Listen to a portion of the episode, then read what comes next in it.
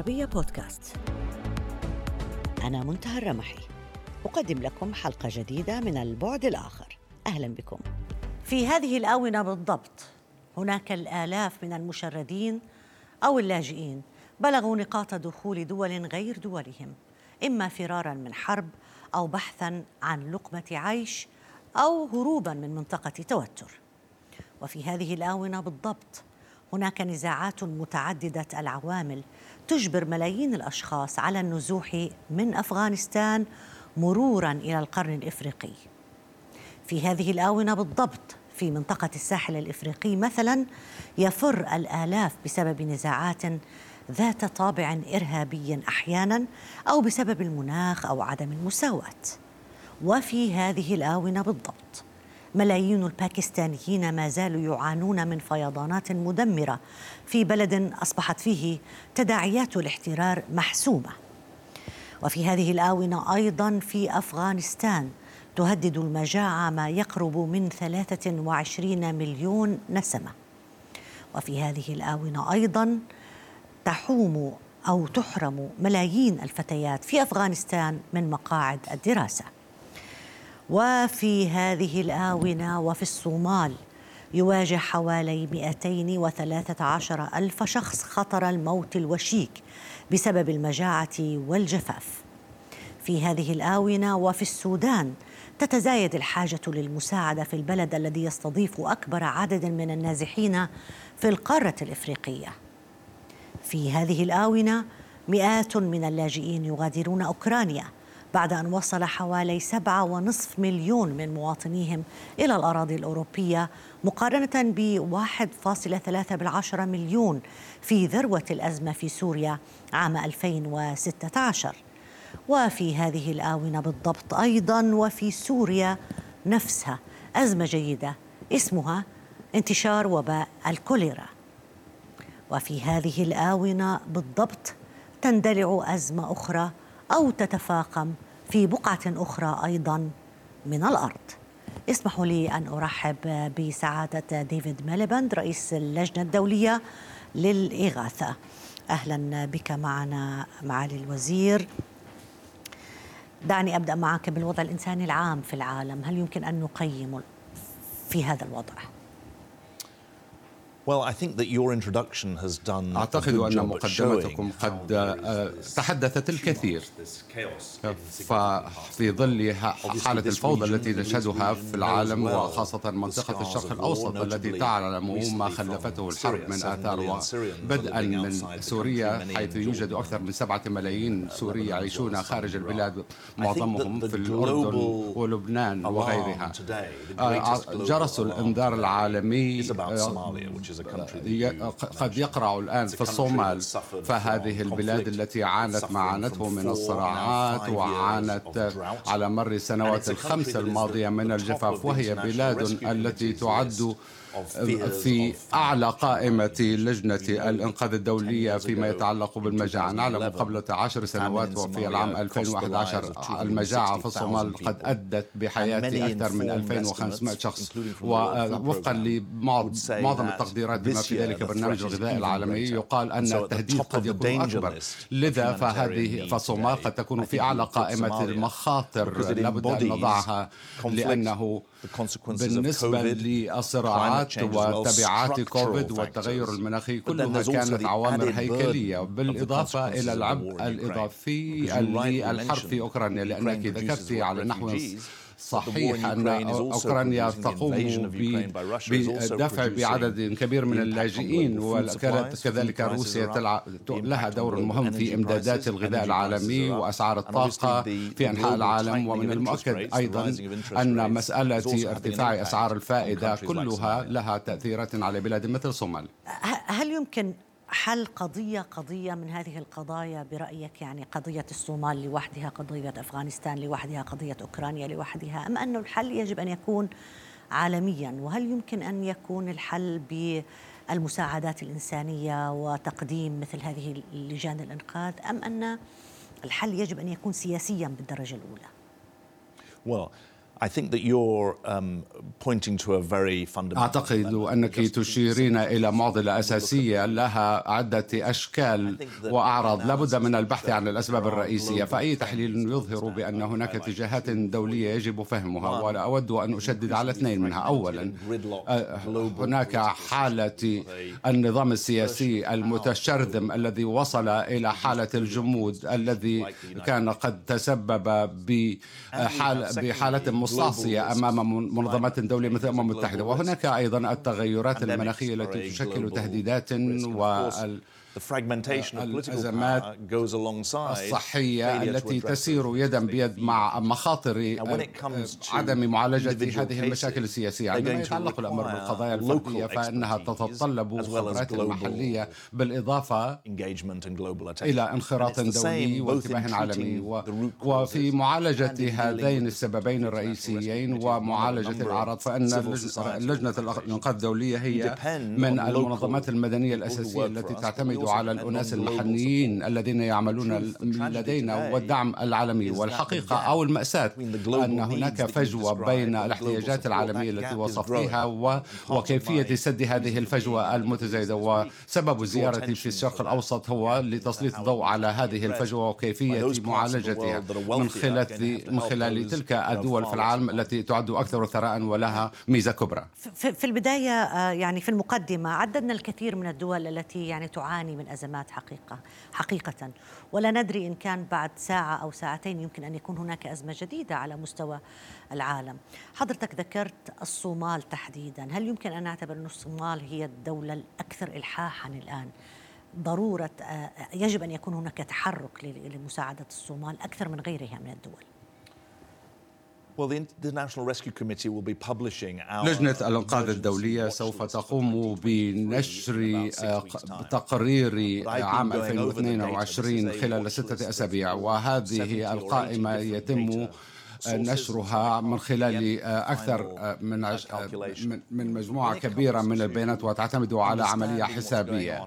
ولكن من أجل فهم ما يحدث فهناك جملة من الإحصاءات التي يجب أخذها في الاعتبار. أولا أن هناك 54 نزاعا يحدثون في أنحاء العالم. كذلك الإحصاء الثاني هناك 100 مليون شخص الذين قد خرجوا من ديارهم بسبب تلك الصراعات وهم لاجئون 54 مليون ونازحون 55 مليون. وكذلك الإحصائية الثالثة نظرا للحديث عن 55 مليون. فهذا الرقم آه، قد يرتفع. فهناك مستويات قد تصل إلى حد المجاعة وفقا لتصنيفات الأمم المتحدة. لذا إذا نظرتم إلى هذه الإحصائيات من المؤكد أن الصراع صراع الجوع في شرق أفريقيا وهي تشمل الصومال وأثيوبيا وكينيا وهذه الدول الثلاثة في أفريقيا أو في القرن الأفريقي فهي سوف هذه الدول مرشحة لتترشح آه، آه، قمة هذا التقرير.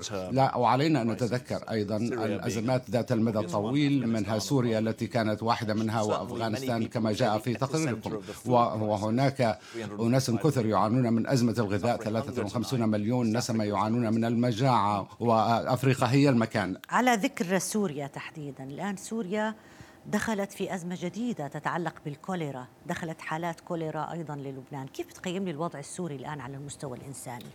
مع أنه فترة طويلة يعني بدأ.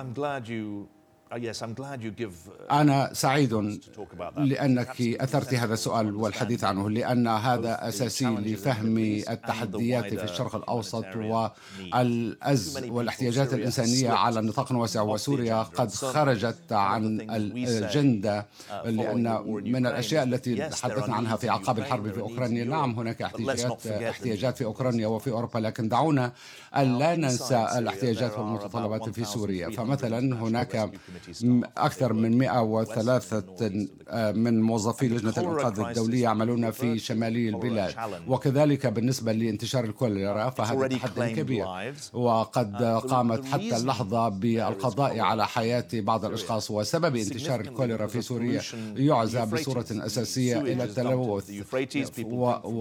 وكذلك عمليات um, آه، المكبات في نهر الفرات.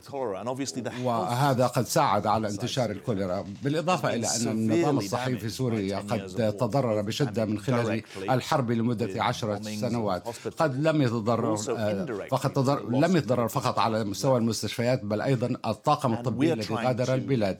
نحاول بدورنا لمعالجة أولئك الذين يعانون من الكوليرا والحقول دون انتشارها من خلال التدابير الصحية الأساسية وهي المفقودة. أي بمعنى. أي أي أي, أي بمعنى أنها بلد ولدت لجنة الإنقاذ الدولية قيم لي نشاطكم أو حطني في صورة نشاطكم في سوريا. هل أنتم متواجدون؟ ما هي احتياجاتكم؟ ما هي الجهات التي يمكن أن تقدم يد المساعدة للشعب السوري؟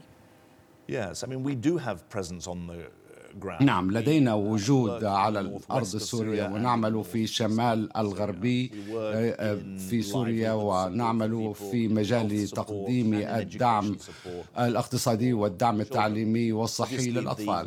من الواضح أن هذه المتطلبات الإنسانية في سوريا تخص بعض الأشخاص الذين يعيشون في مخيمات النازحين في البلاد. لكن الغالبية لا يعيشون في المخيمات بل يعيشون في بلدان في شمال وغربي البلاد وهم ضحايا لهذا الصراع.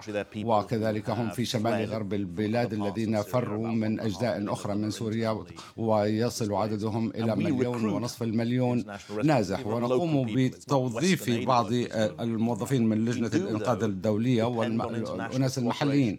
ونعتمد على التعاون الدولي لأنه أساسي بالنسبة للمرحلة الانتقالية وتقديم الدعم عبر الحدود من تركيا وصولا إلى الشمال غرب سوريا من العراق وصولا إلى شمال شرق سوريا. ونعتمد أيضا على الدعم الدولي الذي يأتي من بعض الحكومات أو من بعض المؤسسات.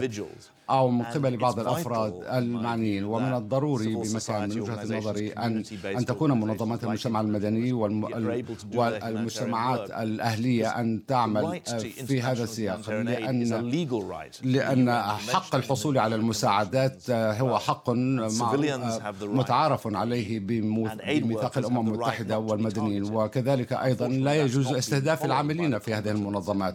للأسف هذه الأمور لم تطبق في الصراع السوري. وفي صراعات أخرى. وأستطيع أن أؤكد لكم وللمشاهدين بأننا موجودين على الأرض ونساعد الناس الناس على أساس احتياجاتهم وليس السياسة.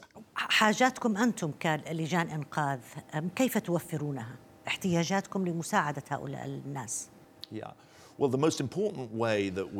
الطريقة الأكثر أهمية التي يمكن من خلالها ضمان فعالية إمداداتنا تعتمد على توظيف الأناس المحليين. وكذلك ضمان وصولها من خلال الانخراط مع عملائنا ومعرفة ما كانوا قد تلقوها. فمثلا في دول على غرار سوريا حيث نسعى ونتعقب المساعدات للضمان بأنها سوف تصل إلى الأشخاص المحتاجين وألا تذهب بالاتجاه الخاطئ. أنتقل الآن قليلا للتركيز على الملف الأوكراني. كيف تنظرون لتداعيات الحرب أولا على مستوى العالم من, من الناحية الإنسانية؟ Well, I think that أعتقد أنه من الضرورة أن ننظر إلى الحرب في أوكرانيا من من بعدين. أولا هناك الأثر على الشعب الأوكراني. أن سبعة ملايين شخص قد فروا من بلادهم من النساء والأطفال لأن الرجال بقوا بسبب تجنيدهم. ونعلم أن داخل البلاد 40 أو 50% من البنى التحتية ومحطات الطاقة قد تم قصفها وتدميرها. لذا فهناك أثر مباشر. ومن الواضح أيضا أن هناك تأثير عالمي وهو البعد الآخر. الحرب في أوكرانيا لها بعد آخر من حيث التأثير العالمي وسوف أقسم هذا إلى ثلاثة أو أربع نماذج. أولا الحرب كانت هي عبارة عن عملية غزو لدولة ذات السيادة وهذا يخالف الأعراف والقوانين الدولية بحيث أن هذه الحرب كانت قد أثرت وتذكرنا بتداعيات الحرب العالمية الثانية وقامت بالهجوم على دولة معترف بها في منظمة الأمم المتحدة كذلك الحرب أثرت على إمدادات المواد الغذائية بصورة أساسية. والأثر على أسعار الطاقة وأسعار المواد الغذائية. تم تم تم إدراكه في من قبل كافة الأفراد في العالم. ثالثا الحرب وحدت أوروبا. فالناتو بات أكثر قوة وأكثر اتحادا مما كان عليه. لكن في ذات الوقت يواجه تحديات كبيرة. أما الجانب الأخير بالنسبة للتداعيات العالمية لهذه الحرب يتمثل في المساهمة في التوترات العالمية بطريقة أساسية فقد أجبرت. على على حدوث مواجهات بواقع يتسم بالمخاطر في تحديات عالمية للنظام العالمي الذي تم تأسيسه تاسيسه في اعقاب ثلاثينيات القرن الماضي وتم اتباعه من قبل كافة دول العالم لكن هذا تحرك كبير. تكون نقطة مفصلية حول إذا ما كانت القواعد الدولية سوف يتم احترامها والالتزام بها أم تم تتم مخالفتها؟ وهناك تهديدات لاستخدام حتى السلاح النووي من كما تمت مناقشه مناقشتهم من قبل الجانب الروسي. لذا هذه لحظة مفصلية مليئة بالتحديات للنظام العالمي. وتأتي في مرحلة عندما تقوم عندما نجد أن هناك أزمات عالمية كثيرة لم يتم البت بها. وبطريقة ما قد تكون هناك المخاوف والمشاكل كثير بالنسبة للناس في أفغانستان أو سوريا بسبب عدم تركيز بسبب تركيز الانتباه على أوكرانيا. أوكرانيا هي قمة جبل الجليد وما خفي أعظم وقد تكون هي مجرد الفاتحة. ما ذكرتم مهم جدا على صعيد أنه العالم المجتمع الدولي يجب أن يجد طريقة ما لحل الأزمة في أوكرانيا. بمعنى استمرارها أكثر سيؤثر على العالم وتداعياته ستطال دول أكثر عالميا. هل ترى أن هناك أي جهد من أجل المساعدة لإنهاء هذه الأزمة؟ أم أن الموضوع هو كل طرف يريد أن يتزود بالسلاح أكثر من الطرف الآخر ولا يوجد ضوء في نهاية هذا النفق؟ أعتقد أن هذه الحرب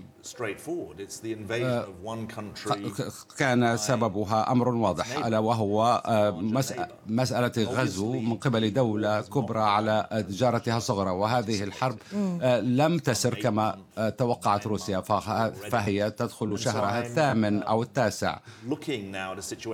لذا إذا ما نظرنا إلى هذه الحالة ومع قدوم فصل الشتاء فقد يكون هناك توقف في القتال لكن ليس توقفا في البؤس وهذا الأمر بكل تأكيد يعني أنه بعد نهاية فصل الشتاء فهناك احتمالات لاستئناف عمليات القتال. ومحللون كثر يرون أن قدرة إنهاء الحرب تكمن بيد القوة الغازية أي روسيا.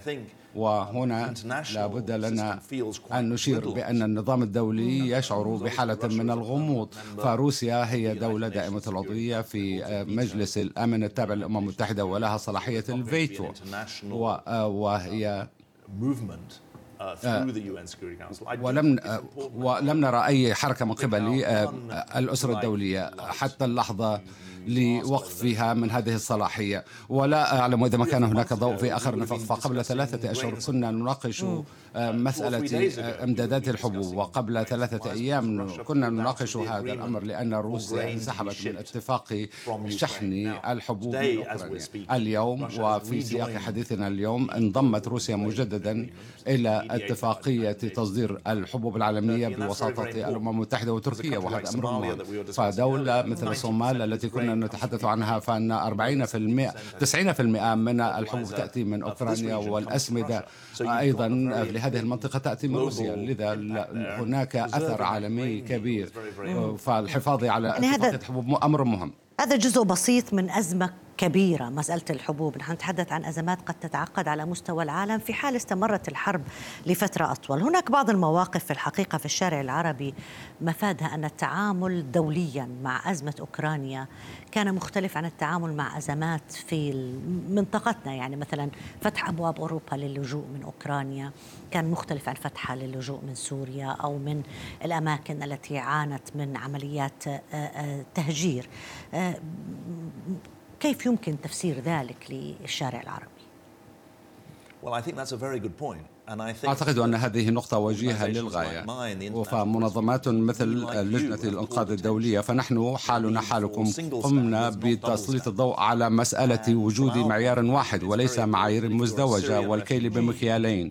فبالنسبة لنا اللاجئون من سوريا أو من جنوب السودان أو من أوكرانيا فلا بد لكم الحصول من الحصول على نفس المعاملة. اللاجئون من أوكرانيا كانوا محظوظين إلى حد ما فقد فروا.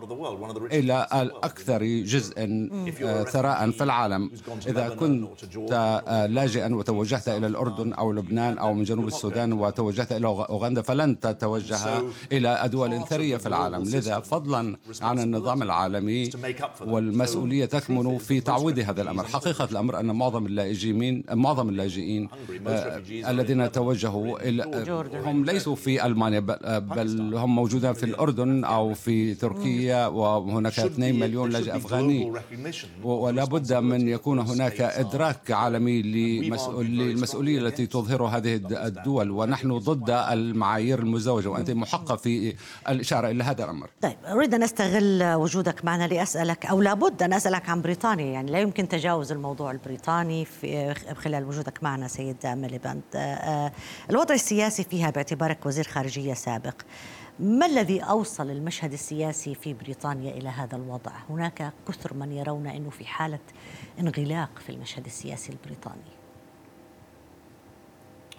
Yes, well, I'm here as a British أنا هنا بصفتي مواطنا بريطانيا الذي يعمل في الولايات المتحدة وأقوم بترأس لجنة الإنقاذ الدولية ومقرها هناك و... وآمل أن هذه المقابلة لن تكون ذات طابع سياسي وأعطيك إجابة دبلوماسية. أنت كنت دبلوماسية فعندما تحدثت عن مدى تعقيد الوضع في بريطانيا. أن أناس كثر قد يقولون أنه فوضوي أو قد يكون أكثر صراحة في وصف هذه الحالة. بريطانيا آه، على مدى التاريخ كانت بلد علماني وكانت خلال السنوات الأخير آه، لم آه، تخلت عن هذا الطابع البراغماتية والإستقرار. أن والأصول تعزى إلى البريكزيت. والجدل الذي دار حوله والقرارات التي آه، آه، أظهرت ناتجها وقد جاءت على تأثير حكومة آه، المحافظين والتي ارتأت أن البريكزيت مسألة جيدة. والبريكزيت هي عمل لم ينتهي. حتى رغم وجود آه، مجموعة من القيادات في الحزب المحافظين الذين أصروا على إتمامها والاستقرار البريطاني لم يكن آه، ملموسا جراء البريكزيت وبصفتي بريطاني فأود بلدي أن تبلي بلاء أفضل فلا أود من بلادي أن تكون على حالة الفوضى هذه التي عرفت دائما بحالة الاستقرار والتقدم. لكن بصورة أساسية فهناك الكثير من النتائج التي قد تتمخض عن هذا الأمر. ومنها مثلا بريطانيا. خلال فترة منذ منتصف التسعينيات حتى حتى العام الحالي كانت تسير أسرع من أوروبا أما الآن فهي أبطأ. وهذا قد يعزى بصورة جزئية إلى بريكزيت. إذا كان لابد لنا أن نعلم عن السياسة والاقتصاد في أوروبا فلا بد لنا أن ندرك ما هي تداعيات البريكزيت. لكن لا يمكن أن نقول أنه في آه، حزب سياسي آه، آه، يتحمل المسؤولية أكثر من حزب سياسي آخر. حضرتك كنت من العمر العمال إلى أي حد يتحمل منافسكم حزب المحافظين هذا الوضع الذي آه، آه، الموجود عليه الوضع السياسي في بريطانيا وحتى الوضع الاقتصادي الصعب الآن. أعتقد أنه من الضرورة من الضرورة أن أكون حذرا في مسألة الحديث على محطة الإخبارية الدولية آه، هذا أمر قد يكون مثار جدل بالنسبة لهؤلاء الذين كانوا في السلطة لمدة عشر أعوام أكثر. لماذا تهاوت الأمور في البلاد حتى اللحظة؟ ولماذا التضخم التضخم آه، قد ارتفع والأوضاع الاقتصادية متردية. آه، قد تكون هناك بعض الأسباب الدولية مثل الحرب في أوكرانيا آه، التي أدت إلى ارتفاع كبير في أسعار النفط والغاز وهذا كان له تبعات كبيرة على المملكة المتحدة. ومن المؤكد أن مسألة الانتخابات القادمة للمحافظين إذا ما كانوا يستطيعون الحفاظ على تقاليد البلاد والحفاظ على الدورة الخامسة بأمر غير مسبوق. واضح وأتفهم من موقفك من عدم الرغبة في الحديث كثيرا عن الوضع في بريطانيا، أشكرك جزيل الشكر آه، وزير الخارجية البريطاني السابق ديفيد ميليباند على تواجدك معنا في هذه المقابلة في البعد الآخر، طبعا رئيس لجنة الأنقاذ الدولية ومديرها العام، شكرا جزيلا لك على المشاركة معنا. شكرا جزيلا. إلى هنا مشاهدينا الكرام انتهت حلقة اليوم من البعد الآخر. يمكنكم دائما متابعتنا على مواقع التواصل الاجتماعي تويتر فيسبوك ويوتيوب. إلى اللقاء.